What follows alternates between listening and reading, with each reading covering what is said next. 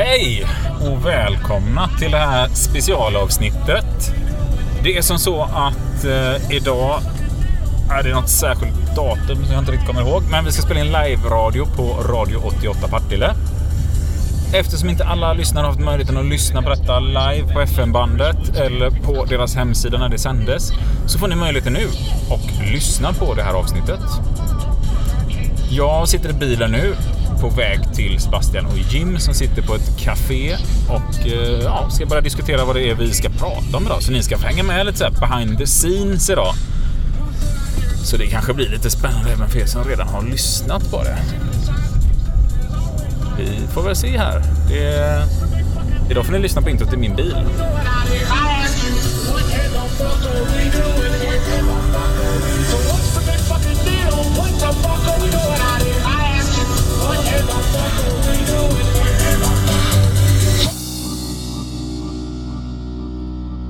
Hej och välkomna Vad och Varför-podden.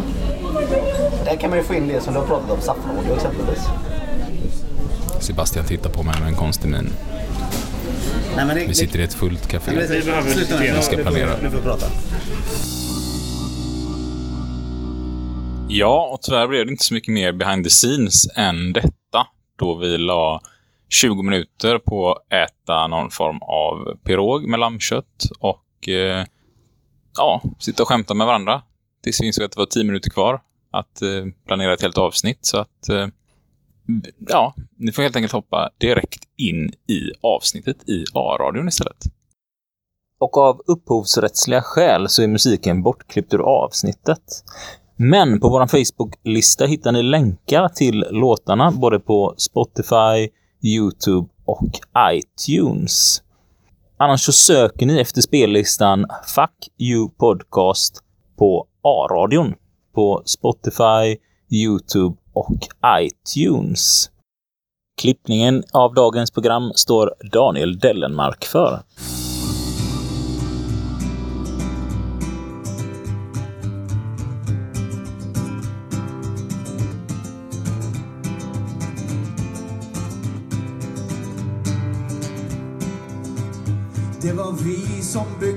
Landet, grävde diken och bröt sten. Vi byggde upp fabrikerna under piskorna som ven. Vi jobbade på bruken, men fick lön som fattighjon. Så vi tvingades att skapa våran organisation. Arbetets systrar och bröder Armodet kämpande folk Ut i kampen ska vi gå sedan ska vi stå i våran landsorganisation Här kan det något va? Nästa gång klämmer ni allt vad ni kan.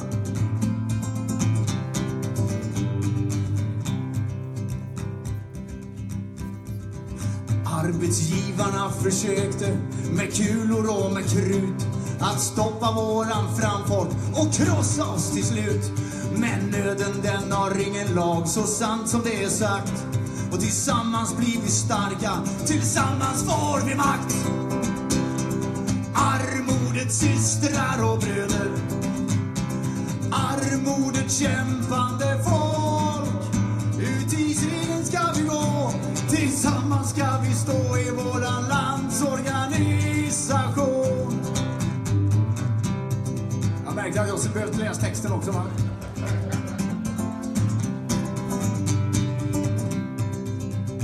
Det var vi som byggde landet och vi bygger på det än. Ett land förutan trälar, utav fria kvinnor och man. Och långt har vi nog kommit, men än har vi långt att gå. För rättvisa och jämlikhet, det kommer vi att få. Arbetarsystrar och bröder, armodet kämpande folk. Ut i kampen ska vi gå, tillsammans ska vi stå i våran landsorganisation. Ut i kampen ska vi gå, tillsammans ska vi stå i våran landsorganisation. Tack så mycket. Ja, nu är det dags för LO i A-radion igen. Jag som pratar och sköter tekniken idag heter Daniel Dellemark och vi har fint besök här i studion. Vilka har vi här? Vem vill börja presentera sig? Ja, det, det här tackar vi för. Ska du börja? Eh, Sebastian Borssén. Isak Ekblom. Och mitt namn är Jim Tellefsdal. Och vilka är ni? Det är vi som driver Fuck You Podcast. Fuck You med A då, så ingen lyssnare får för sig någonting annat här. Viktigt att påpeka. Jätteviktigt att Mm. påpeka. Yes. Annars blir det kritik här, både mot kanske radion och oss här. Yes. Eh, Men det är en facklig podcast eh, som man kan lyssna på lite här och var, där man känner för det nästan. Vad är en podcast för folk som inte kanske känner till den delen? Ja, alltså det är ju radio fast eh, inspelad kan vi väl säga mer. Så man, man väljer liksom själv när man vill lyssna på det här och då behöver man ha en telefon eller dator eller någonting där man kan komma in på internet. Och då kan man gå in på vår hemsida som heter fuckyoupodcast.podbean.com. Och där kan man lyssna. Eller om man har såna här betaltjänster där man streamar musik ifrån, exempelvis Spotify, eh, iTunes, Acast, det finns lite sådana olika. Där kan man hitta dem. Då söker man bara på Fuck You Podcast. Så- Med A. Ja, med A, med A. Så hittar man dem och då lyssnar man ju på dem när man vill. Just det. Och man kan pausa och spola tillbaka om man inte hör vad vi säger för att vi kanske pratar för fort. gör vi ibland. Ja. Hur Det har vi pratat om tidigare här. Liksom. Nu är det radio, då får vi prata långsamt. hur länge har ni kört? Oj, vad är det? Vi började spela in i januari, eh, men jag tror vi börjar släppa i mars kanske. Ja, något sånt. 24 avsnitt har vi släppt nu, är vi uppe tror jag. Oj då, okej. Och nu är det direkt. Det har ni inte gjort förut. Nej, och vi brukar ju få klippa, nu höll jag på att svära här igen, men vi brukar få klippa väldigt mycket. För dels eh, händer det att vi råkar svära. Och jag hoppas inte vi ska göra det idag. Nej. Men min pappa är hamnarbetare, så att jag får skylla på det. Men här kan ni spela musik också. Det ska bli så otroligt kul. Yes. Vi börjar med en liten låt. Ja. Och det här var vårt första låtval och det var ju Fortunate Son med Creedence Clearwater Revival. Och vi, vi har tänkt så här att idag så ska vi ha tema. Jag hade kunnat sitta och önska låtar hela dagen här, men vi ska ha lite tema på de här låtarna vi spelar idag. Eh, och det här kommer vi komma in på lite senare, men väldigt mycket musik som Yes. är politisk. Eh, väldigt mycket musik som handlar om arbetarklassen eller de som arbetar. Eh, och det kommer vi spela mer av idag. Yes. Varför startar ni podden? Eh, alltså, kort och enkelt så handlar det om påverkan. Alltså att få ut den här informationen som egentligen finns tillgänglig, men att paketera om den så att eh, var och gemene man kan lyssna och lära sig egentligen om sina rättigheter när man arbetar. Och det är så smidigt i att ha det just i poddformat, för som vi pratade om förut, att här kan du själv styra och ställa när du vill lyssna. Vilket gör att du kan ja, ta din utbildning när som den passar. Har ni någon siffra på hur många som lyssnar? Ja, ja, det får vi in lite så, si och sådär. Eh, Och oj, vad, igår tittade jag och tror att vi den här veckan hittills är det ungefär tusen lyssnare som har lyssnat bara den här veckan. Eh, Och det brukar ligga där någonstans nu i uppstarten. Vi har ju inte än så länge ens hunnit sprida podden så mycket, utan det är folk som har hittat den själva eller delat med sig till varandra. Eh, Men eh, ja, det ser ut som att vi är Sveriges största fackliga podcast just nu. Eh, Och det är jättekul, helt otroligt kul. Sen, sen är det också det här med att vi startade, eh, vad heter det, podden överhuvudtaget, Isak. Ja, men egentligen kort och gott. Alltså vi, alla vi tre är ute och besöker mycket arbetsplatser. Vi jobbar ju fackligt eh, och är alla tre faktiskt klubbordförande på sina arbetsplatser. Och förhandlar för våra kollegor. Men vi är också alla tre ute på mycket uppsökeri, besöker medlemmar på andra företag och är runt jättemycket uppsökande verksamhet. Och man har ju märke till att många tror att de, allt de ska ha rätt till, att de tror att de får det. För de känner inte till sina avtal, man vet inte allt man ska ha, man har dålig koll på tjänstepension, komptid, arbetstidsförkortning. Eh, ja, vad kan det vara mer i avtalen egentligen? Semesterlön, Semester? Pension. Ja, alltså, det finns ju så mycket mer än bara lönen. Och de flesta tittar, ja men ser lönen bra ut?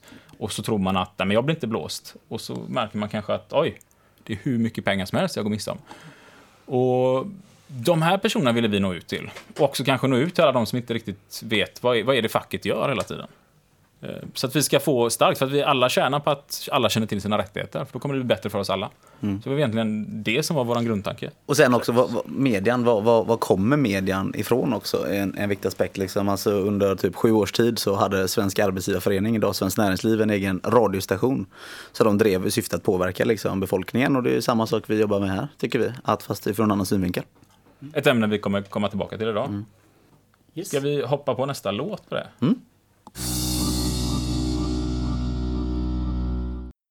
Ja, och det där var Allo Black med Rhythm Del Mondo. Eh, Del Monde, kanske. Ja, Det var första gången jag hörde just den här versionen faktiskt. Eh, Men det är just det här temat, I need a dollar. Alltså, jag vill ha mer lön. Det brukar ju vara det vanligaste vi stöter på när vi är ute och pratar med människor. Vad vill man ha ut av sin fackförening? Vad vill man ha ut av sitt arbete? Eh, För handen på hjärtat, de flesta av oss går väl och arbetar för att få lön. Det är verkligen sant. Även om väldigt många chefer vill få det att låta som att man går väl till jobbet för att man har en drivkraft och sådär. Men jag tror att den drivkraften för de allra flesta i alla fall är lön. Man vill kunna betala hyra, eh, ja, kanske köpa någon mat, någonting gött. Förhoppningsvis. eh, och he- hela syftet med podden här var ju egentligen, hur ska vi få bättre lön? Alltså jättemycket av vår podd handlar om hur ska vi kunna få bättre lön? Hur ska du som lyssnar här nu kunna höja din lön? Och det är ju inte så enkelt att man bara går in och förhandlar upp lönen 10 000 av sin chef.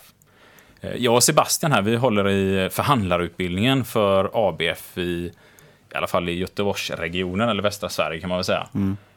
Och de flesta som kommer dit, som då är fackliga, har ett fackligt uppdrag, de kommer ju dit och vill lära sig hur förhandlar vi upp lönen. Och det är ett jättearbete och det är lite det den här podden går ut på. Eh, För att det är liksom, ja, Ja, men det förbättrar sina villkor i allmänhet också. Alltså hur vill man ha sin semesteruttag? Ehm, hur ska man tillämpa förtroendemannalagen? Alltså det är allting. Vi är tips och tricks och vi går igenom lagar. Och, och det är det här som är så viktigt, för vill man verkligen kunna tjäna pengar på sitt arbete och faktiskt få ut sitt värde, eh, då gäller det att ha koll på allt det här att man också får ut sin arbetstidsförkortning, att du får ut tjänstepension, att du kanske kan placera tjänstepensionen på ett bra sätt. Och det kommer handla lite längre fram om i podden, kommer handla om just det här. Och vad har vi gått igenom egentligen i podden hittills? Det har ju varit en del lagar än så länge i alla fall. Eh, lite avtal, eh, historien bakom facket, var, varför vi startade från början och sådär. Um, ja, har vi någon? Senast nu eh, organisatorisk och Ja, sociala det. afsen. Ja, hur mycket stress ska man behöva hantera? Och ska man göra tre personers jobb, men på en persons lön? Är det rätt liksom? Och en mikrobam har vi också så här, bättre arbetsmiljö, liksom, hur man kan jobba med arbetsmiljöfrågor, arbetsmiljölagen. Så inte allting som vi behöver för att kunna driva upp våra löner, det försöker vi gå igenom i den här podcasten. Och vi tänkte, för, för att förenkla det så ska vi liksom ta och titta på någonting vanligt som folk ofta brukar, som finns i samhället. Kanske en restaurang eller någonting. Och, och så ni som lyssnar kan tänka att det finns tre stycken restauranger som ligger på en gata. Och på de här restaurangerna så kostar det 100 kronor för en dagens lunch. Jag kan fråga Daniel, vilken, vilken restaurang hade du valt att gå till då? Eh, Ja, den som har kollektivavtal. Där, Han var redan inne, han är redan påläst här. Det är rätt svar. Eh, De allra flesta brukar ju svara ah, men den som ligger närmst eller den som är trevligast eller, eller något sånt här. För att nu pratar vi ju då en sund konkurrens. Eh, Alla tar samma pris. Då får man ju tävla om kunskap och kvalitet för att locka kunder. Service. Eller service, ja precis. Eh, Och det är väl lite fackets bild av att det är så vi vill att svenska modellen ska fungera och svenska samhället ska se ut. Vi ska tävla med kunskap och kvalitet, inget annat. Men vi börjar märka en hel del företag i Sverige som inte har just det som Daniel nämnde här, kollektivavtal. För väldigt många vet inte i vårt land vad är ett kollektivavtal. Ska vi, ska vi börja förklara det? Kan du ge mig lite bara snabbt, vad är ett kollektivavtal? Ehm, ja, alltså det är våra regler som gäller på arbetsplatsen, eller våra villkor kan vi väl säga då. Ja. Tydligen. För vi tänkte vi ska gå igenom lite myter och vi kanske ska börja med den första myten då, lägstalönen i Sverige. Det är ingen idé att vi frågar Daniel här, han har stenkoll på vad lägstalönen i Sverige.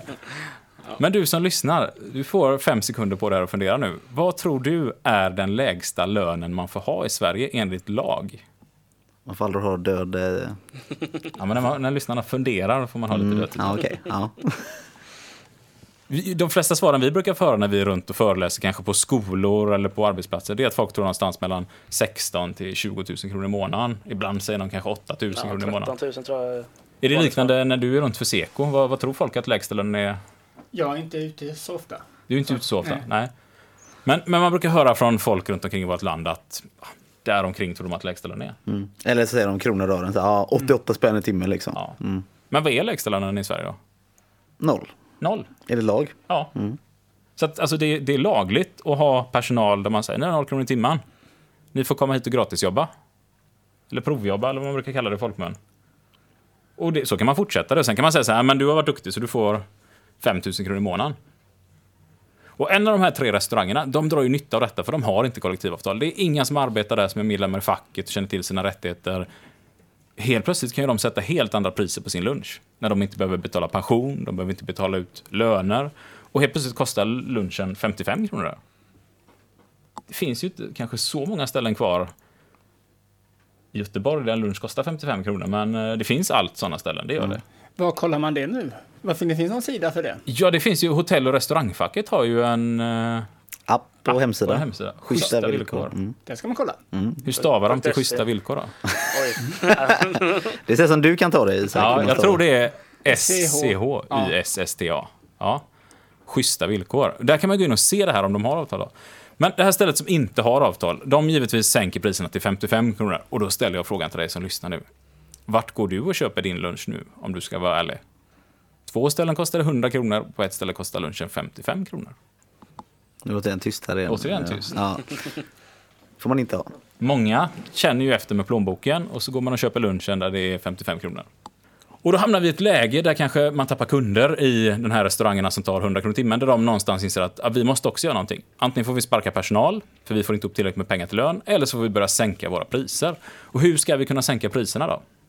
Via lön kanske? Vi kan Ja. sänka lönen. Det är ju väldigt enkelt i så fall. Strunta betala ut pensionen. Rationalisera oss. Ja, skattesmita. Eh, Det finns ju en del grejer. Och det kanske de här lyckas göra och plötsligt kan de också sänka sin lunchpris till 55 kronor. Och kvar ligger nu ett ställe som tar 100 kronor, som faktiskt har ett kollektivavtal och vill betala schyssta löner, de vill betala pension till sina anställda. De vill leva upp till Arbetsmiljöverkets krav, att de anställda inte ska råka illa ut på jobbet, kanske bränna sig eller dö i restaurangen eller vad de nu kan råka ut för, eller stressas ihjäl Försäkringar. försäkringar och allt det här. Om det nu skulle hända något mot förmodan så ska man faktiskt kunna överleva ändå och klara sig i samhället. Och de här blir utkonkurrerade. Och det är ett jättebekymmer. Och nu är det helt plötsligt två ställen som tar 55 kronor. Så nu börjar det här stället som tog 55 kronor från början, de börjar tappa lite kunder nu till det andra stället som har gått ner i pris nu 55 kronor. För folk tycker, kan vi gå dit också? Det här är jättebra. Men återigen, ingen där har kunskap, ingen vet om något, så ganska enkelt att fortsätta sänka det här lunchpriset till kanske 50 kronor för en lunch istället. För personalen får lite sänkt lön och de vet inte vad ska vi säga åt det då? Det är bara att gilla läget eller bli av med jobbet. Och så som det ser ut idag i samhället så är det ganska tufft att bli arbetslös. Just nu kanske vi har fått en bättre a-kassa här på grund av eh, coronaepidemin. Men överlag så är a-kassereglerna inte sådär jätteroliga. Och du kan bli uttvingad i ett sånt arbete, så du kanske inte ens har rätt att gå på a-kassa om du blir erbjuden ett, jobb med 8000 kronor i månadslön. Och det har ju bland annat Uppdrag granskning gjort eh, jättebra program om. Eh, Då var det ett företag som en grekisk kolgrill, för att inte nämna namnet på företaget, som eh, just fick in personal på grund av detta. De hade inte kollektivavtal, hade jättedåliga löner, jättedåliga villkor, men folk blir tvingade att ta anställning hos dem för att inte tappa sin a-kassa. Och det här är ju jätteviktiga frågor som vi betar av i podden. Men tillbaka till de här tre ställena nu då. Personalen på första restaurangen, där de tjänar 100 kronor De tar betalt. tar betalt 100 kronor för lunchen. De har börjat tappa lön, de kanske måste göra sig av med personal. Och sen har vi två ställen, ett som tar 55 kronor, som börjar få lite kunder, och ett som det kostar 50 kronor på. Och då är liksom frågan, vad ska personalen göra för att få bättre villkor? Och vad ska personalen göra på det här stället där de tjänar 100, eller tar 100 kronor betalt? Vad ska de kunna göra för att påverka sin situation för att inte bli av med jobbet? Ja, de måste engagera sig. Fackligt. Det måste de absolut göra. Organisera sig. Mm. Organisera sig på arbetsplatsen. både engagera sig, organisera sig, utbilda sig. Man måste få kunskap om vad har vi i Sverige för möjligheter att faktiskt påverka. För att det som jag berättar här nu, det har vi råkat ut för i bilbranschen. Både jag och Jim här jobbar ju inom bilbranschen, alltså lagar bilar. Och där har det dykt upp massa nya verkstäder, rekondfirmor, tvätthallar och allt möjligt. Med väldigt låga löner, väldigt billiga priser. Och det konkurrerar ut, våra löner. Så att steg, steg ett för oss som vi vill löneförhandla och få upp våra löner, det är att det här stället som tar 55 kronor för en lunch, eller 50 kronor för en lunch, vi måste hjälpa till och se till att de anställda blir utbildade, känner till sina rättigheter, går med i facket, kan kräva kollektivavtal för att vi ska kunna få upp villkoren. Du och jag besökte ju det här stället i podden, så man kan lyssna egentligen på, på när vi pratar om den här historien på ett lite längre perspektiv. Så åker du och jag och besöker det här. Ja, då är det en bilverkstad. Då är det inte en lunchrestaurang. Då åker vi ut till en verkstad och tittar på den. En verkstad som jag för ett mängd år sedan upptäckte att jag klev in där och all personal bara sprang iväg när jag kom dit från facket. Och man förstod inte riktigt varför sprang alla iväg. Eh, väldigt märkligt. Ingen ville prata med mig, chefen var inte där just då. För att göra en väldigt lång historia kort så är det i alla fall en anställd som kommer fram och pratar med mig och berättar att alla mina kollegor har fått sparken som inte var medlemmar i facket. Och all den nya personalen här kommer från ägarens hemland och de tjänar 5 000 kronor i månaden och får bo uppe på vinden här och får betald i lunch. Och då var det ju inte konstigt att den här bilverkstaden kunde konkurrera ut de andra verkstäderna som låg i samma område. Där vi hade blivit utringda på grund av ett varsel. För att eh, en verkstad som var jättesund, gick jättebra med en jättetrevlig och god chef eh, som tog väl hand om sina anställda. Han var nu tvungen att göra sig av med två av sina anställda som hade jobbat där väldigt länge. För de tappade alla kunder. Och de här två personerna, de tyckte ju att vi var kassa i facket som inte kunde stoppa uppsägningen av dem. Och det är ju en annan fråga, det, tror jag, det kanske ni till och med pratar om här radion, om lagen om anställningsskydd och vad som händer. Inte så mycket. Inte så mycket än. Då kommer det Nej. säkert komma jättemycket info om det kan jag tänka mig här. Japp. Eh, Och vi har valt att hålla oss lite tysta om det i podden än så länge för att det är så mycket diskussioner kring vad som ska hända där. Mm. Men de här två medlemmarna vi hade där, de tyckte att det var för jävligt att facket inte bara kunde stoppa att de fick sparken. Men, men vi kan inte gå in och stoppa att de blir varslade på grund av arbetsbrist. För finns det inget att göra så kan vi inte förvänta oss att en chef ska betala ut deras lön utan någon inkomst till företaget, för då kommer företaget gå i konkurs. Utan det blir ju då det här arbetet att vi måste ut på den här andra verkstaden och se till att de får kollektivavtal, att de får rättigheter, att de får högre lön. Det blir också en påverkan gällande lagen om anställningsskydd. Att vi kan påverka så mycket gällande att vi bara är där och engagerar andra personer. Och där tror ju så mycket människor att fackförbunden har 200-300 anställda i varje stad som åker omkring och gör sånt här. Och, och så är det ju inte riktigt, utan det här är ju arbete som vi utför och vi är, jag är bilplåtslagare. Jag är lastbilsplåtslagare. Jag är bagageluckemontör. Ja, Helt vanliga yrken har vi. Men vi har engagerat oss, vi har lärt oss om våra rättigheter och vi har lärt oss vad vi kan göra för att påverka. Och det är ju det här vi vill nå ut med till alla lyssnare, att man faktiskt ska känna till att ja, men, jag har rätt att stå på med de här frågorna, jag har rätt till det här. Och om jag vill så kan jag till och med engagera mig och hjälpa till så att andra får de här rättigheterna. Och det kommer att driva upp våra löner enormt. Och det kan vi se om vi jämför löner i Europa bara. Alltså, en arbetare i Sverige tjänar bra mycket bättre pengar än vad man gör i de flesta länderna i EU. Och där är det tipset till er att lyssna på den podd där vi diskuterar sådana saker. Hur ni kan bli bättre och organisera er själva och era kollegor med kunskap. På så enkelt, gratis sätt som ni till och med kan göra i vissa fall. Om man har arbeten som tolererar att man kan lyssna på saker. Gör det där och lära sig mer om facket, villkoren som finns där till. Så att ni också kan bli starka och påverka. Och då heter våran podcast Fuck you podcast. med A. Med A. Fuck med A. Fuck med A. Det är en sån ordvits. Ja. Vi är från Göteborg. Var kom namnet ifrån? Hur kom ni på det? Ja, det är det. Ja. Jag tror att det säkert alla har skämtat om det där någon gång i olika variationer. Eh, Jag vet att de har någon kurs som heter What the fuck med A och lite sådär. Eh, Och vi försökte nog ta någonting som folk skulle känna igen och vi tyckte väl att eh, det var ganska tråkigt skämt egentligen. Men vi kände att då fattar folk vad det handlar om. Folk kan ha lite igenkänning i det och vissa tycker faktiskt att det är jättekul. Speciellt i den här stan. Så att vi försöker att dra lite på det kortet med. Yes. Eh, Och går vi tillbaka till de här nu restaurangerna så är det det här arbetet som kommer göra att vi måste ut till de här anställda på det här stället där lunchen kostar 50 kronor nu. Vi måste ut till dem och prata med dem. Lära dem vad är facket? Eh, vad kan man göra via facket? Hur kan man engagera sig? Hur kan ni börja förhandla och få till bra villkor? Det kommer ju leda till sikt att de kräver pension, de kräver försäkringar, allt det vi pratar om. Eh, Och då kanske det blir svårt för det här företaget att ta 55 kronor för en lunch, utan de kanske behöver ta 75 kronor för en lunch. Men pengarna går också till de anställda som kommer att spendera pengar i samhället och driva ekonomin framåt också. Och det är väl egentligen hela, det hela svenska modellen bygger på. Och svenska modellen är ju också ett sånt där begrepp som nästan alla har hört det. Man hör det när politikerna pratar, men väldigt få personer kan tyvärr förklara vad är svenska modellen. Och det är just det att fack och arbetsgivare ska ha hand om marknaden. Kan man väl enkelt säga, arbetsmarknaden. Exakt. De så kallade parterna. De kallar och vilka är parterna? Ja, det är ju fackförbunden och eh, arbetsgivarna. Då. Ja, det är inte svårare än så egentligen. Och det var Allman Brothers Band med låten Soulshine. Ni lyssnar på A-radio med Fuck You Podcast-gängen som gäst idag. Ja, eh, och där brukar vi prata om ledarskap och lite sånt där, Isak. Ja, alltså en, en väldigt viktig del för att vi som arbetar i det här landet ska kunna kräva våra rättigheter också känna, på, känna till vår rättighet att stå på oss. Det är faktiskt att vi arbetar med oss själva. Så att vi har ju eh, också ledarskapavsnitt i den här podcasten där vi brukar prata väldigt mycket ledarskap och begreppet självkänsla, eh, lära känna sig själv och faktiskt känna sitt eget värde. För det är också någonting jag upplever har blivit lite av en brist ibland när man kommer ut på arbetsplatser. att man accepterar att bli dåligt behandlad, man accepterar att villkoren är dåliga, man accepterar att eh, man inte kan få samma rättigheter som kanske någon annan på arbetsplatsen kan få. Och, sådär. Eh, och det tycker jag inte alls är någonting man ska behöva acceptera. Nej, verkligen inte.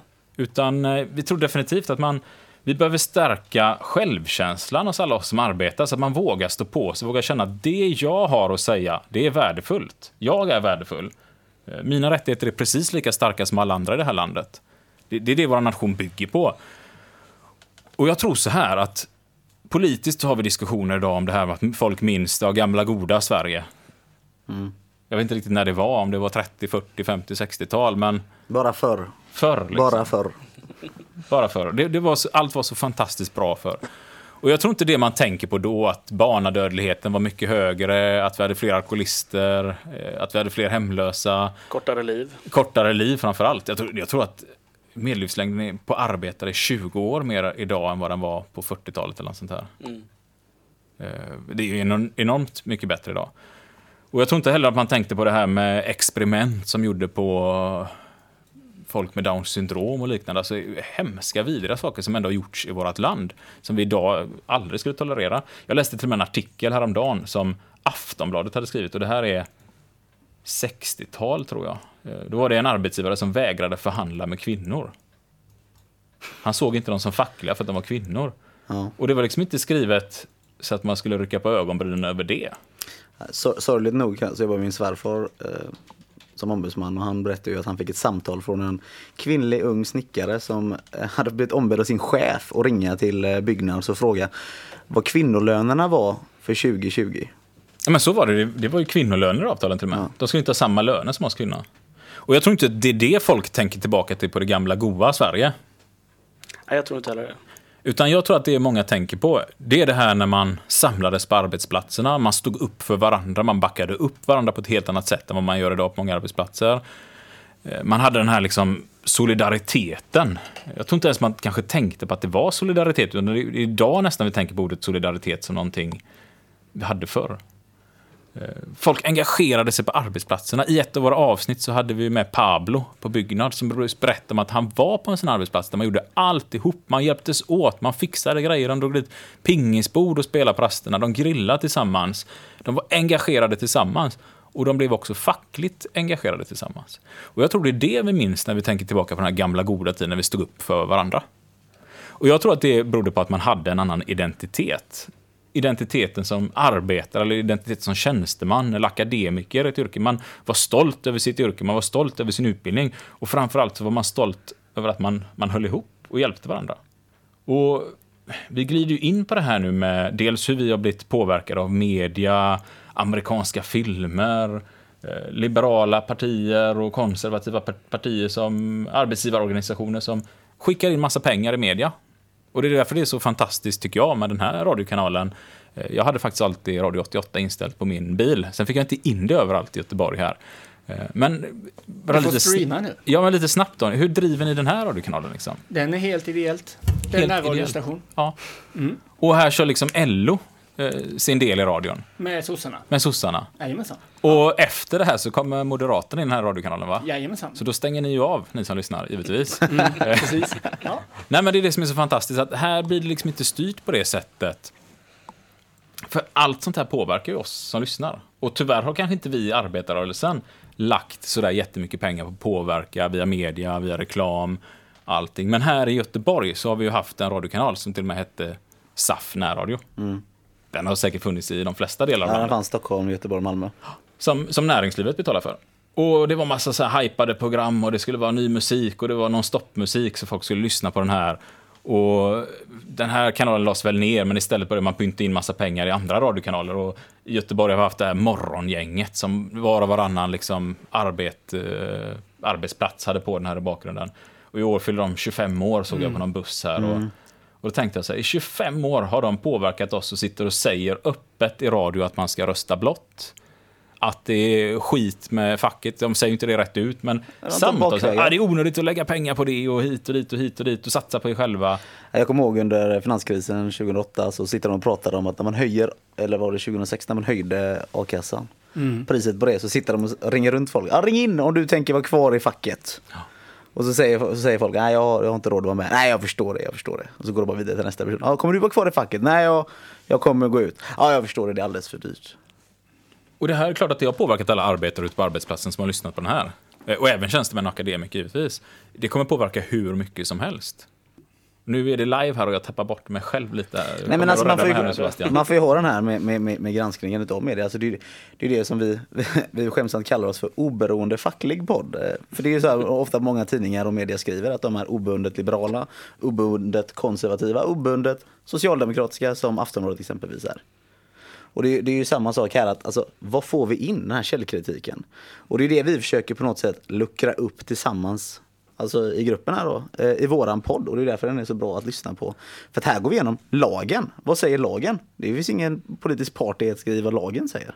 Och även våra läroböcker har vi pratat om här i podden, är ju alltså påverkade av vilka som har skrivit böckerna. Eh, Där exempelvis eh, för de flesta gymnasieelever så arbetarrörelsens historia, det är ett stycke. Max Två stycken i liksom. den boken jag hade. Två stycken om hela arbetarrörelsens historia. Vilka är det som skriver den? Just den här som jag hade, en var Bonnier och den andra minns jag inte ens vad det hette. Jag hade faktiskt två stycken för jag tentade upp gymnasiehistorien här för ett tag sedan. Eh, två stycken böcker köpte jag, det var väl de mest sålda eh, på ämnet. Eh, och båda två innehöll liksom inte ens ett kapitel, utan två stycken bara om arbetarrörelsens Men historia. jag minns ju när jag gick i skolan vad det stod på alla böckerna. Det var, det var Timbro. Alltså, vad heter det? Mm, Svenskt Näringslivs egna tankesmedja. Och det stod det på alla mina. Fattade ju inte jag. När man var liten så fick man inte riktigt reda på var- var- varför finns de här böckerna eller vilka är de som gör den här. Det var bara skolan som gav mig böcker. Ja. Men det är ändå och det är klart att allt sånt här har gjort att det här gamla goda Sverige där vi hade en stolthet i oss själva, vi höll ihop, vi stod på oss, vi byggde samhället tillsammans. Man gick på möten och träffade politiker och alla var med och påverkade, mer eller mindre. Föreningslivet här i Göteborg var helt extremt. Alltså, pratar man med någon i Göteborg, nästan alla har en mamma eller pappa som var drivande i någon förening. Det var kanske en hyresgästförening, det kanske var någon fotbollsklubb, någonting. Så ser det inte riktigt ut idag, för det är mycket det här, satsa på dig själv, gör någonting annat än att engagera dig med dina jobbarkompisar. Ja. Och det här försöker vi komma tillbaka till, att vi som arbetar faktiskt ska känna till vår identitet, vi har rätt till, vårt egna värde. Och helt enkelt försöka, nu, nu blir det en sån här riktig teater, eller vad heter det, radioövergång här, regera över vårt eget liv. Det där var Caroline af Ugglas med Regera och du lyssnar på Fuck You Podcast-gänget som är och besöker A-radion i Radio 88 i Partille. Ja, och nu tänkte vi dra igenom lite eh, fackliga myter har vi valt att kalla det. Eller myter som eh, finns ute på arbetsplatserna, helt enkelt. Eh, och Sebastian, med tre varningar, sen får du sparken. Ja, det är en sån klassisk eh, vanlig ko- felkoppling egentligen med baseball tror jag det måste vara baserat på. Eller vad, vad säger Ja, det är nog inte omöjligt. Ja, men det, fin- det finns ju den här myten att ja, du får först en muntlig, så känner alla till, sen får man en skriftlig och sen får man sparken. Liksom. Jättevanlig grej. Alltså jag ställer alltid den frågan när jag håller utbildningen eller pratar med elever. Alltså, så här, alla känner till den här, jag vet inte var den kommer ifrån ens, det här med varningen. Liksom. Hela det här konceptet. Men det, det, det är som jag säger, okej, okej, så om jag går och klipper till en kollega bara rätt på käften. Då har jag första varningen då. Då kan jag slå folk två gånger till då eller? På, på käften. Nej, då hade jag ju fått sparken liksom bara. Så, där fick du sparken liksom med största sannolikhet. Eh, det finns alltså ingen begränsning på hur många varningar man kan få. Utan man kan få en, man kan få 40. Alltså man kan ju se det som att om du blir varnad för att du kommer sent och du börjar 1977 på arbetsplatsen. Och sen så kommer du sent en gång 1982 igen och sen så kommer du sent 91. Rent tekniskt sett då ska du få sparken. För du har fått tre varningar under din yrkestid och det finns ingen sån gräns. Utan det man ska egentligen viktigt att tänka på det är det, det finns en skillnad på erinran Och varning, en erinran behöver företaget inte ta in egentligen facket. Utan det, det är bara på, påpekande av din anställningsskyldighet egentligen. Och sen har du en varning som man måste diskutera med facket innan man ska dela ut till någon. Men återigen, det spelar alltså ingen roll. Du kan få en varning, du kan få 40 000 varningar. Eh, men det viktiga man alltid ska ställa sig är, hur länge gäller varningen? För att en intressant grej om varningar, det finns ju alltså inte nedskrivet någonstans i lag att man ska få varning. Utan det, det är någonting som arbetsgivarna självmant faktiskt har hittat på. Vilket, vi får väl tacka dem för det då, att de inte bara sparkar oss på en gång, att de själva har gett oss varningssystemet. Men det finns ingen lagtext egentligen, utan det är domar som har gjort det. Ja, oftast får man kanske också en varning när det är någonting som inte är tillräckligt skäl för att avskeda någon. Precis. Ja, eh, det var det med varningar då. Mm. Eh, Fem minuter eh, rast per timme. Mm, också en sån myt att man ska ha rätt till fem minuters rast varje timme. Och, och det finns inte heller reglerat att du ska ha fem minuters rast per timme. Utan man ska göra det här baserat på alltså vilket behov arbetsplatsen har. Vad det är för typ av arbetsmiljö i vardagen. Att man kanske behöver ta paus. För det är också det här skillnaden med vad är paus, vad är rast? Paus har du betald tid. Rast har du obetald tid. Och så det här med att just finns fem minuter rast per timme. Ja, det finns ju en annan liten lag som säger då att, som står i arbetsmiljölagen att du ska ha eh, minst 30 minuters rast, alltså obetalt då, på fem timmars arbete. Så om du jobbar fem timmar så får du inte jobba det i följd utan du måste då ha en rast däremellan på då 30 minuter. Så har man väl tagit en liten enkel delningsförmåga där och så blir det väl 25 minuter eller någonting. Ja, jag är inte så bra på matte. Det är ju du som är våran eh, podcastens miniräknare här. Så jag, men det är väl därifrån det kommer. Men jag vet inte var, varifrån det har kommit. Men det, det är återigen en myt. Ja, men däremot så menar jag på att jag tror knappt att det finns något yrke där du inte ska ha en paus per fem minuter per timme om du ska följa arbetsmiljölagen. För att då behöver du fem minuter att kanske sträcka på dig eller vila dig eller vad det Ja, nu kan exakt, tänkas vara. exakt. Vi tar i vårat yrke, där vi står och slipar, kanske man ska pausa var 20 minut istället. Ja, för att- absolut. Det, mer än så orkar man inte med. Då jobbar man långsamt. Eller, Precis. Ja. Det förklarar varför det är så dyrt att lämna in bilen. ja, på- men ni till viss på del. paus Ja. hela tiden. Till viss del, ja. Ja. Ja. Ehm, myten om att vi måste jobba åtta timmar om dagen då? Isak? Måste vi inte det alltså? Nej, det måste ju inte det kanske. Men det här är ju en sån fråga vi diskuterar exempelvis i podden här, liksom att det här med att det är så många människor som tror att det här med åtta timmars arbetsdag är liksom, det är någon skriven fysisk regel, liksom som Newtons lag eller något sånt där, att eh, gravitationen går inte att undvika och åtta timmars arbetsdag. Och när man hör de här politiska debatterna kring åtta timmars arbetsdagen, eller sex timmars arbetsdagen, och det är helt omöjligt att, att skifta. Och likadant lät ju på den tiden när vi hade tio timmars arbetsdag. För det har vi haft. Det har vi definitivt haft. Och ska man titta på det historiska då för att förstå när man står på arbetsplatsen och ska ändå känna sitt eget värde. Alltså, när industrialiseringen drog igång, alltså redan på 1700-talets slut, så pratade de stora franska filosoferna bland annat om att nu kan vi jobba två timmar om dagen och ändå producera lika mycket som vi gjorde innan. Nu får människan frihet. Vad var det Ernst Wigforss sa? Han sa att målet med den nya produktiviteten är inte att vi ska arbeta mer, det är att vi ska kunna utveckla oss själva kulturellt. Fint sagt. Ja. Och så, och så står vi fortfarande här och jobbar åtta timmar om dagen. Trots att produktiviteten har gått, eh, vad säger de, skyrocket som de säger i USA när de pratar aktier och sånt där va? Exakt. Men här står vi och jobbar åtta timmar om dagen. Precis. Och det är sånt här vi måste diskutera på arbetsplatserna. Alltså, är det här ett samtalsämne på er arbetsplats? Är lönerna ett samtalsämne på er arbetsplats? ja, och det är ju lite det som man pratar om.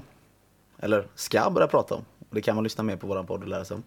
Absolut. Sånt här diskuterar man på den gamla goda tiden. Och det kanske är det här man tänker på med den gamla goda tiden. Man kanske diskuterade hur mycket mer lön ska min chef ha än mig? Alltså någon kanske tycker att ja, vi borde väl ha exakt lika mycket betalt för den tiden vi lägger ner. Det är en del av vårt liv vi offrar och vi ska väl ha lika mycket betalt. Medan en annan kanske tycker att jag tycker min chef ska ha tio gånger mer lön än mig. För att han har så mycket mer ansvar, eller hon har så mycket mer ansvar och kompetens mig, eller vad det kan vara. Men frågan är, var går din gräns? Är det vid två gånger eller tio gånger? Eller är det som idag inom LO-kollektivet 60 gånger mer i lön? 5 januari. När du har Fat jobbat... Cat Day of the Year. Ja, kan du inte berätta, vad är det? Ja, det är den dagen när de 50 största vdarna har tjänat lika mycket som en arbetare gör i snitt. Vilket datum var det sa du? 5 januari. Oj. Ja. Ja. Det var 6 januari för några år sedan men det har tyvärr varit tvungen att flyttas eh, Ja, jag tror lite. snitt-vdn på jorden tjänar 287 snittarbetarlöner på jorden. Då får man ju tänka att då räknar man med all jordens befolkning som man känner till i alla fall. eh, och som arbetar då. 287 gånger. Det betyder alltså att det ni tjänar in på 287 år, Tjänar de om det året. har vdn tjänat på ett år. Då frågar jag, vart går din sån här gräns? Är det en fråga ni diskuterar på jobbet, hemma i familjen? Med era vänner? För nu, nu kapar jag lite här, för det är också en sån här myt. Det är fult att diskutera lön i Sverige, säger de. Mm. Vem fan har sagt det? Nu, så- fan. Jag går inte att klippa bort eller? Nu gjorde jag något dumt. Jag får be om ursäkt alla lyssnare. Men, men det går liksom inte att... Vem är det som har sagt det? Att det är fult att prata lön? Det är klart att det är någon som inte vill att vi ska prata lön som har sagt det. Det är väl jätteviktigt att vi pratar lön, speciellt alla ni som jobbar inom branscher där ni faktiskt kan påverka löneläget. Jag och Jim kommer ju från ett sånt här yrke som är kanske likt många elektriker, VVS-are, snickare, sömmerskor. Alltså, vad, vad kan, det finns massa olika yrken där det finns en brist på de människorna som har den kompetensen. Och man skulle kunna hoppa mellan bolag till bolag, förhandla upp sin lön, ställa högre krav om lön för att det finns inga arbetslösa. De får inte tag på folk. Men vi pratar inte lön, så folk känner inte till att aha, på det företaget har de 8 000 mer i lön eller 5 000 mer i lön. Hade man gjort det så tror jag att det hade börjat röra mer på sig. Vilket hade varit ganska negativt för företagen och det vill vi ju inte heller. Vi vill ju inte bli av med våra kollegor att alla ska behöva sluta. Men då hade man fått igång den här lönediskussionen på arbetsplatsen. Ja, men vänta lite nu. Varför tjänar de 10 000 mer än mig där borta, men de tar samma betalt av kunden? Mm. Men vi har ju en egen lag för det här i Sverige. Jantelagen. Du ska inte tro att du är något. Därför diskuterar vi inte det här. Ja, men jag tycker det är skillnad för jantlagen. Då skryter jag kanske inte om min lön. Utan istället kanske jag talar om lite ödmjukt att så här har vi fått en bra lön. Genom att förhandla, genom att ha haft en fackklubb eller en organisation som har förhandlat, genom att skicka alla våra medlemmar på utbildning, ta hand om varandra, prata lön. Och jobbar man på ett företag som ställer hårda krav på personalen, då ska man givetvis ställa väldigt, väldigt hårda krav tillbaka på företaget. För det måste vara ett givande och tagande. Mm, alltså min chef berättade ju på hans tidigare arbetsplats. Så hade hans chef då kommit till honom och sagt så här. Du, nu har jag satsat extra mycket på dig. Men det här är din hemliga lön. För lönen är hemlig säger han. Ja okej. Och då gick den dåvarande klubbordföranden på hans arbetsplats upp och satte upp. Det här är min lön. Jag uppmanar alla att skriva sin lön under. Och det visade sig att chefen hade fått 30 öre mer i lön än alla andra. Oj. I månaden. det var den satsningen var värd. Ja, men och det är ju så, när vi håller hemliga löner så det är bara vi som missgynnas på det. Och varför, varför är chefens lön hemlig på många företag, eller vdns lön? Är man på ett aktieägt bolag så är det bara att gå in och läsa. Så kan man ju se i ekonomin oftast vad, vad vdn har i lön. Men det här är ju sånt vi måste diskutera. Vem ska ta kakan? Om du startar ett bolag ihop med din kompis, ni två stycken som jobbar ihop, hur hade ni fördelat pengarna då? Ni anställer en tredje person, hur hade ni fördelat pengarna då? En fjärde, hur hade ni fördelat pengarna då? När blir det din rätt att ta mer och hur mycket mer har du rätt att ta? Sånt här tror jag man behöver snacka. Absolut. Filosofi egentligen. Då är det väldigt viktigt att ni står på er. Jag tänkte bara säga innan vi kör musiken och sånt att detta är Partille närradio och A-radion, inte 88 och så. Bara det är en tek- teknikalitet. Men eh, ni vet det, ni kommer lite musik.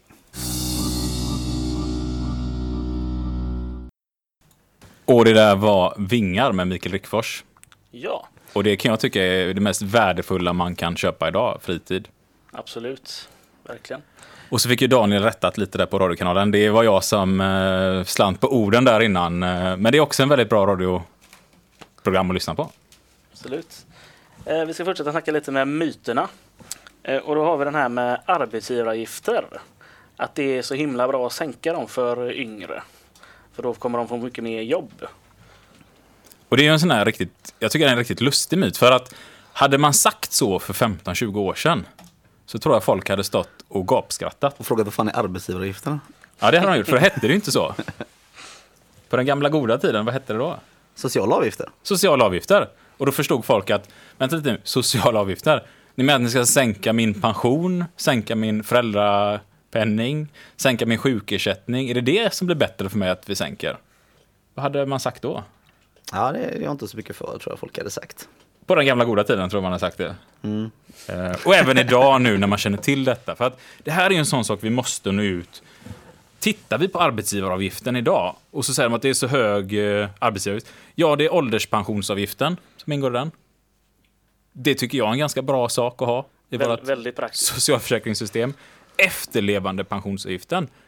Den vill jag gärna ha kvar i alla fall. Jag vill gärna inte att de sänker för de efterlevande deras ersättning de får. Nej. Sjukförsäkringsavgiften. Ja, ramlar jag och bryter benet samtidigt som min fru är hemma föräldraledig med våra barn. Det kommer bli svintufft för oss ekonomiskt. Ska jag behöva sälja mitt hus då för att klara mig de här kanske sex månaderna hos operationer och lite rehabträning? Alltså, är det bättre för mig? Jag tror till och med att mina grannar hade tyckt det var ganska kass. För helt plötsligt hade var och vartannat hus börjat sälja och huspriserna hade kanske till och med blivit väldigt omtumlade i området. Liksom. Eh, vilket kanske är positivt för den som vill köpa ett hus förvisso. Föräldraförsäkringsavgiften. Det här när man gick ut och sa från, vad var det, 2006 va? Inför 2006 så gick man ut från Alliansen och sa nu ska ni få 500 kronor mer i plånboken. Eller om det var 1000 kronor mer i plånboken. Alla som var föräldralediga det året, de gick ju back ett par tusen. Alla som var sjuka det året gick bort ett par tusen. Alla som arbetade någonstans där det inte fanns ett kollektivavtal där man hade förhandlat upp semesterersättningen, de tappade ett par tusen i semesterersättning. Jag tror min kompis det året, han, han jobbade på ett ställe där det inte fanns eh, kollektivavtal. Han tappade 5 000 kronor har jag för mig i semesterersättning på det året. Men han fick 500 kronor mer efter skatt på lönen de andra månaderna.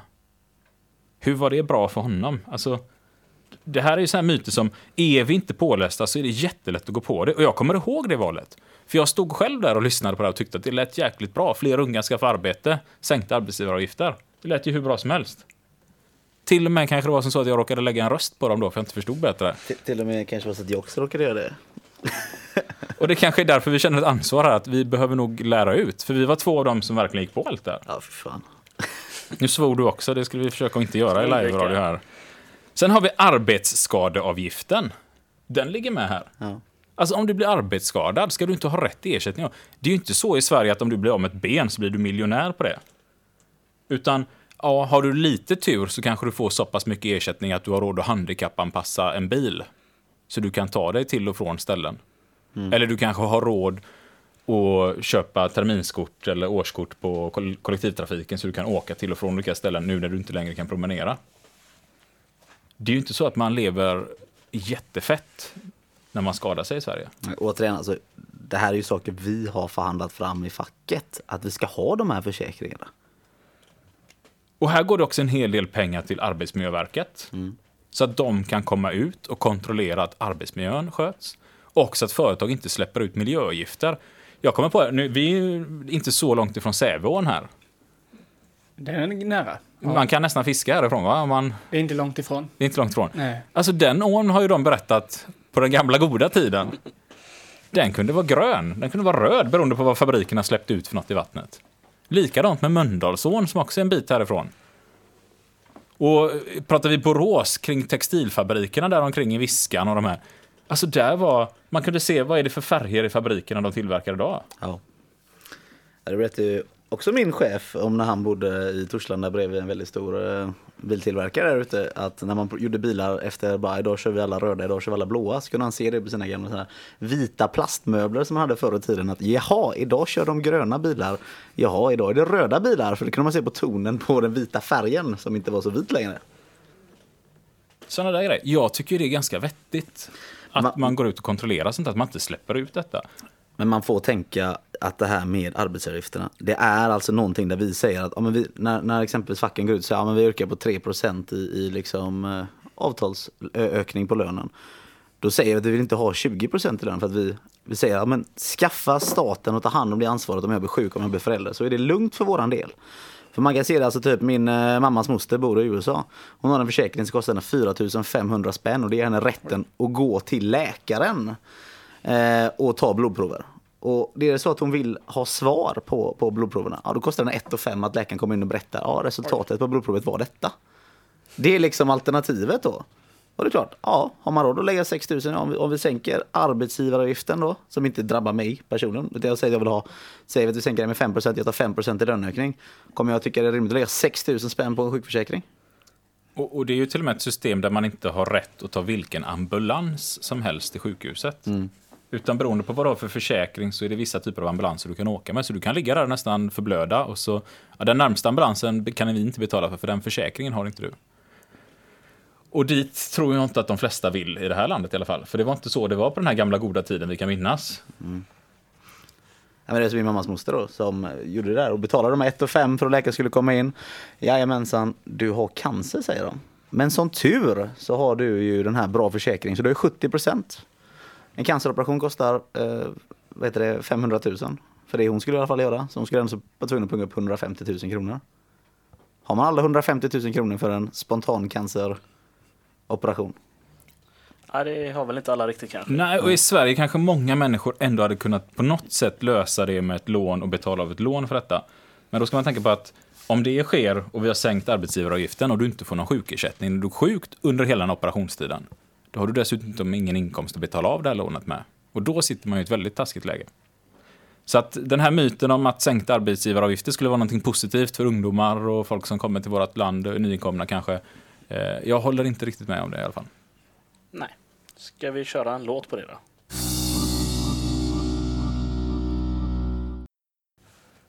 Och det här var Johnny Cash med I want back down och det tycker jag inte att någon av er ska göra. Så när ni känner att jag har rätt i det här, jag står på mig, då ska man stå på sig och man ska givetvis vara öppen för att lyssna på vad de andra har att säga.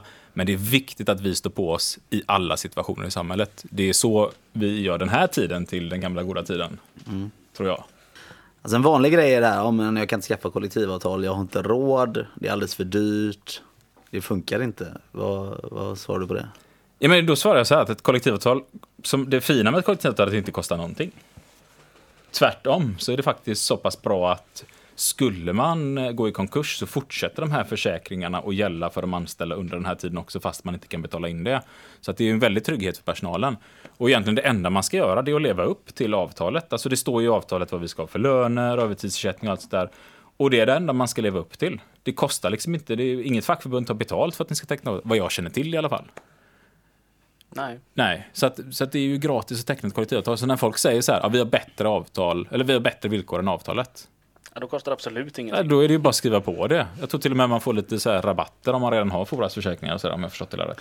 Ja, om du är medlem i arbetsgivarorganisationen i alla fall. Ja, Tecknar ett riksavtal som det kallas. och jag tycker det kommer in lite på den här också myten om att eh, det, man kan inte bli rik i Sverige på grund av eh, all solidaritet, får de det nästan att låta som. Eh, att vi ska ha en solidarisk lönepolitik, att alla ska ha möjligheten, att vi gemensamt ska betala för skola, utbildning och allt det här. Och tittar man på det så är det faktiskt så fantastiskt. Och en sak till. Alla bolagen sticker ju härifrån, säger de. Alla rika flyttar ju härifrån. Eh, Men tittar man på en lista hur det ser ut i Europa så är Sverige, nu ska jag räkna lite snabbt där, en, Två. två. Det finns två länder i Europa som eh, faktiskt har fler dollarmiljardärer. Per 10 miljoner invånare va? Ja. ja, eller på procentuellt sätt då i landet kan man säga. Och 10 miljarder dollar, vad blir det i svenska pengar? Ungefär 100. 100 miljarder. Då pratar vi 100 000 miljoner va? Exakt. Och då kan man säga så här, vad skulle du göra om du vann 60 miljoner kronor på Triss eller någon sån här Lotto eller någonting? Folk gärna drömmer sig bort och man, oj så mycket pengar. Ja, så tänk att du gör det varje dag i ett par år nu framåt över. Så mycket pengar. Eh, och, och vi ligger ändå på tredje plats i Europa och då ska vi tänka på att det är Schweiz och Cypern som ligger för oss. Alltså två skatteparadis. Så uppenbarligen så flyr inte alla rika härifrån, utan de flesta uppskattar detta och tycker att det är trevligt att bo i ett samhälle där alla människor faktiskt har rätten att må bra och kunna må bra. Det här får oss lite att tänka på, vad ska du som lyssnar på det här tänka? Alltså vi, vi, jag och Isak håller ju eh, fackliga utbildningar. Det är någonting som går oss väldigt varmt om hjärtat. Eller? Absolut, absolut. Det är det bästa som finns tycker Och jag. det finns ju en vanlig grej att folk vågar inte gå en facklig utbildning för att det verkar så skrämmande och så. Vad, vad, vad har vi för svar för de här människorna då? Det är ju så fantastiskt att i Sverige har vi studieledighetslagen som inte bara, bara talar om att du har rätt att ta ledigt, utan lagen faktiskt uppmanar till att folket ska ta studieledigt för att utbilda sig. För man vet att det är så viktigt för samhällsutvecklingen. Att vill vi få ett modernt samhälle där folk är med och bygger upp samhället, engagerar sig i föreningar och allting, då är det viktigt med folkbildning. Eh, och förorden till lagen är helt fantastiskt. Alltså, man vill ha detta, så att man har rätten att ta tjänstledigt från sin arbetsplats. Många fackförbund erbjuder utbildningar där du faktiskt till och med får stipendium eller betalt för att gå en facklig utbildning. Och inom, nu är vi här i LO-radion. Och LO har ett stipendium som nästa år tror jag det är på 960 kronor per dag. För en sån här medlemsutbildning. Skattefritt. Skattefritt för en medlemsutbildning. Och på de flesta ställen får man en frukostmacka, man får lunch när man kommer dit. Och så vissa utbildningar en dag, vissa utbildningar är tre dagar. Sällan är de längre än så för den som är medlem och vill lära sig mer. Där man får lära sig om sina rättigheter. Men återigen, kunskapen har du alltid med dig. Det spelar ingen roll vart du jobbar, du har alltid den kunskapen. Och, alltså en väldigt viktig grej vi också vill påpeka i det här är att ni behöver inte heller tänka att det är som när ni gick i skolan om ni känner rädsla över det här. Utan det är väldigt fritt. Alltså det är medlemsstyrda utbildningar, det vill säga att deltagarna som är med, det är de som är med och påverkar innehållet utöver det som liksom oftast fackförbunden säger att det här vill vi att de ska lära sig med den här kursen. Men har de fördjupande frågor som de vill veta så, så får vi möjligheten och, och det tillåts att ställa de här frågorna. Och det spelar ingen roll vem man är och hur man är, om man har lätt att sitta still eller inte, för att man brukar anpassa de här utbildningarna så pass mycket. Vi har haft deltagare som har varit blinda. Vi har haft människor med hörselskador som har fått med sig folk som har dövtolkat. Vi har kurser på arabiska, vi har kurser på engelska, vi har kurser som har gått på serbokratiska, finska har man kört utbildningar på. Alltså det vi behöver som arbetare i det här landet. Och vi kan ju se när man har kört en sån här kurs på arabiska, människor som inte har bott så länge i Sverige som börjar fatta, de här möjligheterna har jag, de här rättigheterna har jag. Och de här människorna blir jätteengagerade. Och det ser ju jag, om jag åker på en sån här facklig utbildning och träffar massa fackligt folk, vad mycket folk det är som kommer från andra länder. De är oftast bättre än oss på att ta på sig ett uppdrag. För ofta kommer man från ett land där det kanske har varit bra, man har blivit av med det och vet vad som kan hända. Medan vi som kanske är födda i det här landet, vi tar det lite för givet att eh, våra mor och farföräldrar, de har stridit och tagit fram alla de här rättigheterna för oss. Eh, Och vi ser det som en självklarhet. Och kanske inte tänker på att vi måste också bevaka att det här fortsätter och fortsätta utveckla det. Ja. Och som sagt, alltså, man kan gå in på fackligutbildning.se om man är LO-medlem. Där finns det en mängd olika kurser, kan man titta på dem. Det är bara att ta upp telefonen och ringa så kommer ni få prata med någon jättetrevlig person, beroende på vilket fackförbund ni är, som kan hänvisa er till rätt typ av utbildning. Om man har frågor kring de här utbildningarna eller någonting. Man har rätt att avbryta kursen. Man kan åka dit, komma dit på morgonen och så känner man så här, äh, det här var inget för mig. Då kan man bara säga, det här var inget för mig och så åker man därifrån. Jag har faktiskt inte varit med om det, men men jag Nej, vet att alltså jag har kan- många som kan uttrycka en oro innan och då säger jag åk dit och känns det inte bra så åker du därifrån. Men lite kontentan är också att de flesta som har gått en facklig utbildning, de går en till. För att det var helt över förväntan vad de hade. Alltså jag vet en arbetsplats där jag, kommer ut på och de hade precis gått allihopa, det var en ganska hög snittålder, de var alla 63 år ungefär i snitt där. Och alla gick, för de hade lite, lite att göra på arbetsplatsen, alla på arbetsplatsen gick. Och sen ställer de sig själva frågan sen när vi kommer ut hit och bara, hur var det på kursen? Ja, jag har varit med i över 40 år. Jag kan inte fatta hur jag aldrig har gått en facklig utbildning förrän nu. Nu vill jag gå fler. Jättevanligt att höra tyvärr. Det är jättekul att de känner så, men det är så synd att de inte har gått facklig utbildning innan. Men lite ett sånt tips till dem är att innan ni väljer att eh, gå en facklig utbildning, lyssna på våran podcast. Och den hittar man på alla ställen där podcaster finns. Ja. Fuck you podcast söker man på. Med A. Ja. Med A, precis. Och Jo med Y-O-U, inte, inte kommunen Jo här uppe i, i Vänern.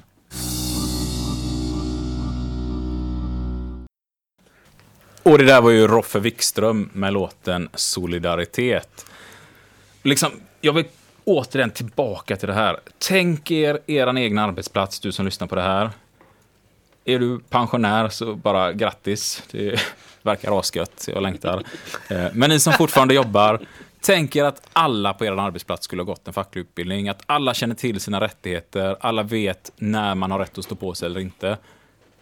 Den arbetsplatsen, vad tror ni händer med löner? Vad tror ni händer med villkor? Vad tror ni händer med hur chefen behandlar de anställda? Du kanske redan jobbar på en arbetsplats där chefen i alla fall är jättegod och trevlig. Det finns absolut alla gånger. Och vi stöter ju på jättemycket arbetsgivare som tycker facket är fantastiskt bra, som vill, det här vi pratade om i början med bilverkstäderna, restaurangerna, man vill ha en hög lägstanivå i Sverige. För man tycker det är roligare att driva företag om man slipper konkurrera med vem som har lägst lön. Utan istället kan konkurrera med glad personal, trevlig personal, god mat, bra produkter, kvalitet på grejerna. Men tänk er nu er egen arbetsplats. Alla har gått en facklig utbildning. Alla känner till sina rättigheter. Alla vet hur man ska påverka. Vad tror du kommer hända med villkoren på er arbetsplats? Och i branschen i allmänhet? Vi har ju faktiskt kört utbildningar ibland på arbetsplatser. Och det tycker jag också är en sån grej ni ska med er. Det kanske är dåligt att göra nu. Det kanske är coronaepidemin. Det kanske inte finns så mycket att göra. Ta kontakt med ert fackförbund i så fall. Tala om, just nu är det dåligt att göra på vår arbetsplats. Kan inte facket komma ut och köra en, en utbildning på vår arbetsplats? För det har jag varit ute och gjort på flera ställen och alla har skrivit in sig i facket. Alla blir medlemmar, folk börjar engagera sig. Det bildas egna föreningar på arbetsplatserna alltså där man skapar en fackklubb eller det kan kallas sektion eller cell kallar väl de syndikalisterna redan så här. Eh, alla varianter på ord som finns. Alltså att man engagerar sig på sin arbetsplats, i sin förening, gör saker tillsammans, påverkar lönen i sitt avtalsområde. Ja, alltså tiden börjar ju springa ifrån oss lite här. Så vi hade ju inte velat prata hur man enkelt höjer sin lön med 3-4 tusen spänn. Bara genom en enkel förhandling. Men den får vi tyvärr ta och, och, och parkera. Då får man lyssna på vår podd istället om man vill eh, lära sig det enkla knepet. Eller så är ni välkomna tillbaka ett annat tillfälle. Ja, då, då ska vi absolut ha den eh, pucken. Yes. Annars får jag bara säga, det har varit jäkligt kul att vara här eh, idag. Det har varit jättetrevligt. Det varit. Ja, fantastiskt roligt. Och jag, alltså jag vill verkligen skicka med att gud vad fantastiskt att ni kör de här radiotiderna och är här och engagerar er. Alltså, det är ju sånt här vi måste göra. Och du som sitter och lyssnar, du kanske har helt andra det. För att våran podd, den startade av att vi bara kände att folk måste lära sig mer. Vi måste göra någonting. Vad ska vi hitta på? Vi bildar en podd. Och det tog oss kanske fyra år att komma igång med det här projektet. För vi har mycket annat att göra. Men du kanske sitter på en ännu bättre idé som sitter och lyssnar. Det var en kille som ringde mig från Värmland och berättade att vi ska dra igång en YouTube-kanal. Vill ni i podden komma förbi och vara med oss och säga hej och lite sådär. Det är sånt här vi måste skapa. Vad har ni för e-post om man vill kon- ta kontakt med er? Jättebra. Den är fuckyoupodcast gmail.com Med A. med A. Både på mail och på fack. Men man kan också även skriva till oss på sociala medier där man kan följa oss på, det heter Fuck You Podcast och finns på Facebook och Instagram. Ja, vi finns på de flesta sådana här Facebook, YouTube, Instagram. Och bara skriv frågor, diskutera, alltså ämnen vi ska diskutera. Alltså, de flesta av våra ämnen är ju lyssnare som har hört av sig och sagt att kan ni köra ett pass om detta? Ja, och idag blev det lite LO-inspirerat, men vi har valt att podden ska vara öppen för alla fackförbund egentligen. Just för att det ska vara en samlingspunkt för alla som vill påverka sin lön uppåt. Så vi kommer ha gäster från alla möjliga fackförbund. Tack så mycket för att ni ville vara med. Jättetack att vi fick komma hit. Otroligt kul. Vi får ha en fortsatt trevlig lördag. Detsamma. Ha det gott. Tack. Ha det gött. Hej hej. Ja, det var avsnittet här eh, som sändes i A-radion. Nu står vi precis, vi är färdiga här precis nu. Och hur, tyck, hur tyckte vi att det gick? Ja, det får lyssnarna avgöra. Jag, jag tyckte det var kul i alla fall. Ja, det, det är lite annorlunda att köra live.